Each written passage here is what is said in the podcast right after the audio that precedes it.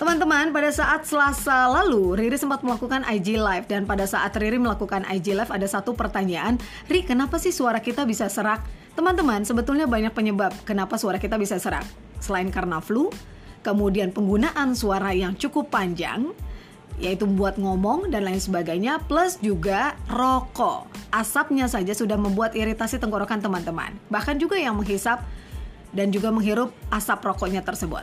Nah, teman-teman, lantas apa yang perlu dihindari pada saat teman-teman mengalami serak suara?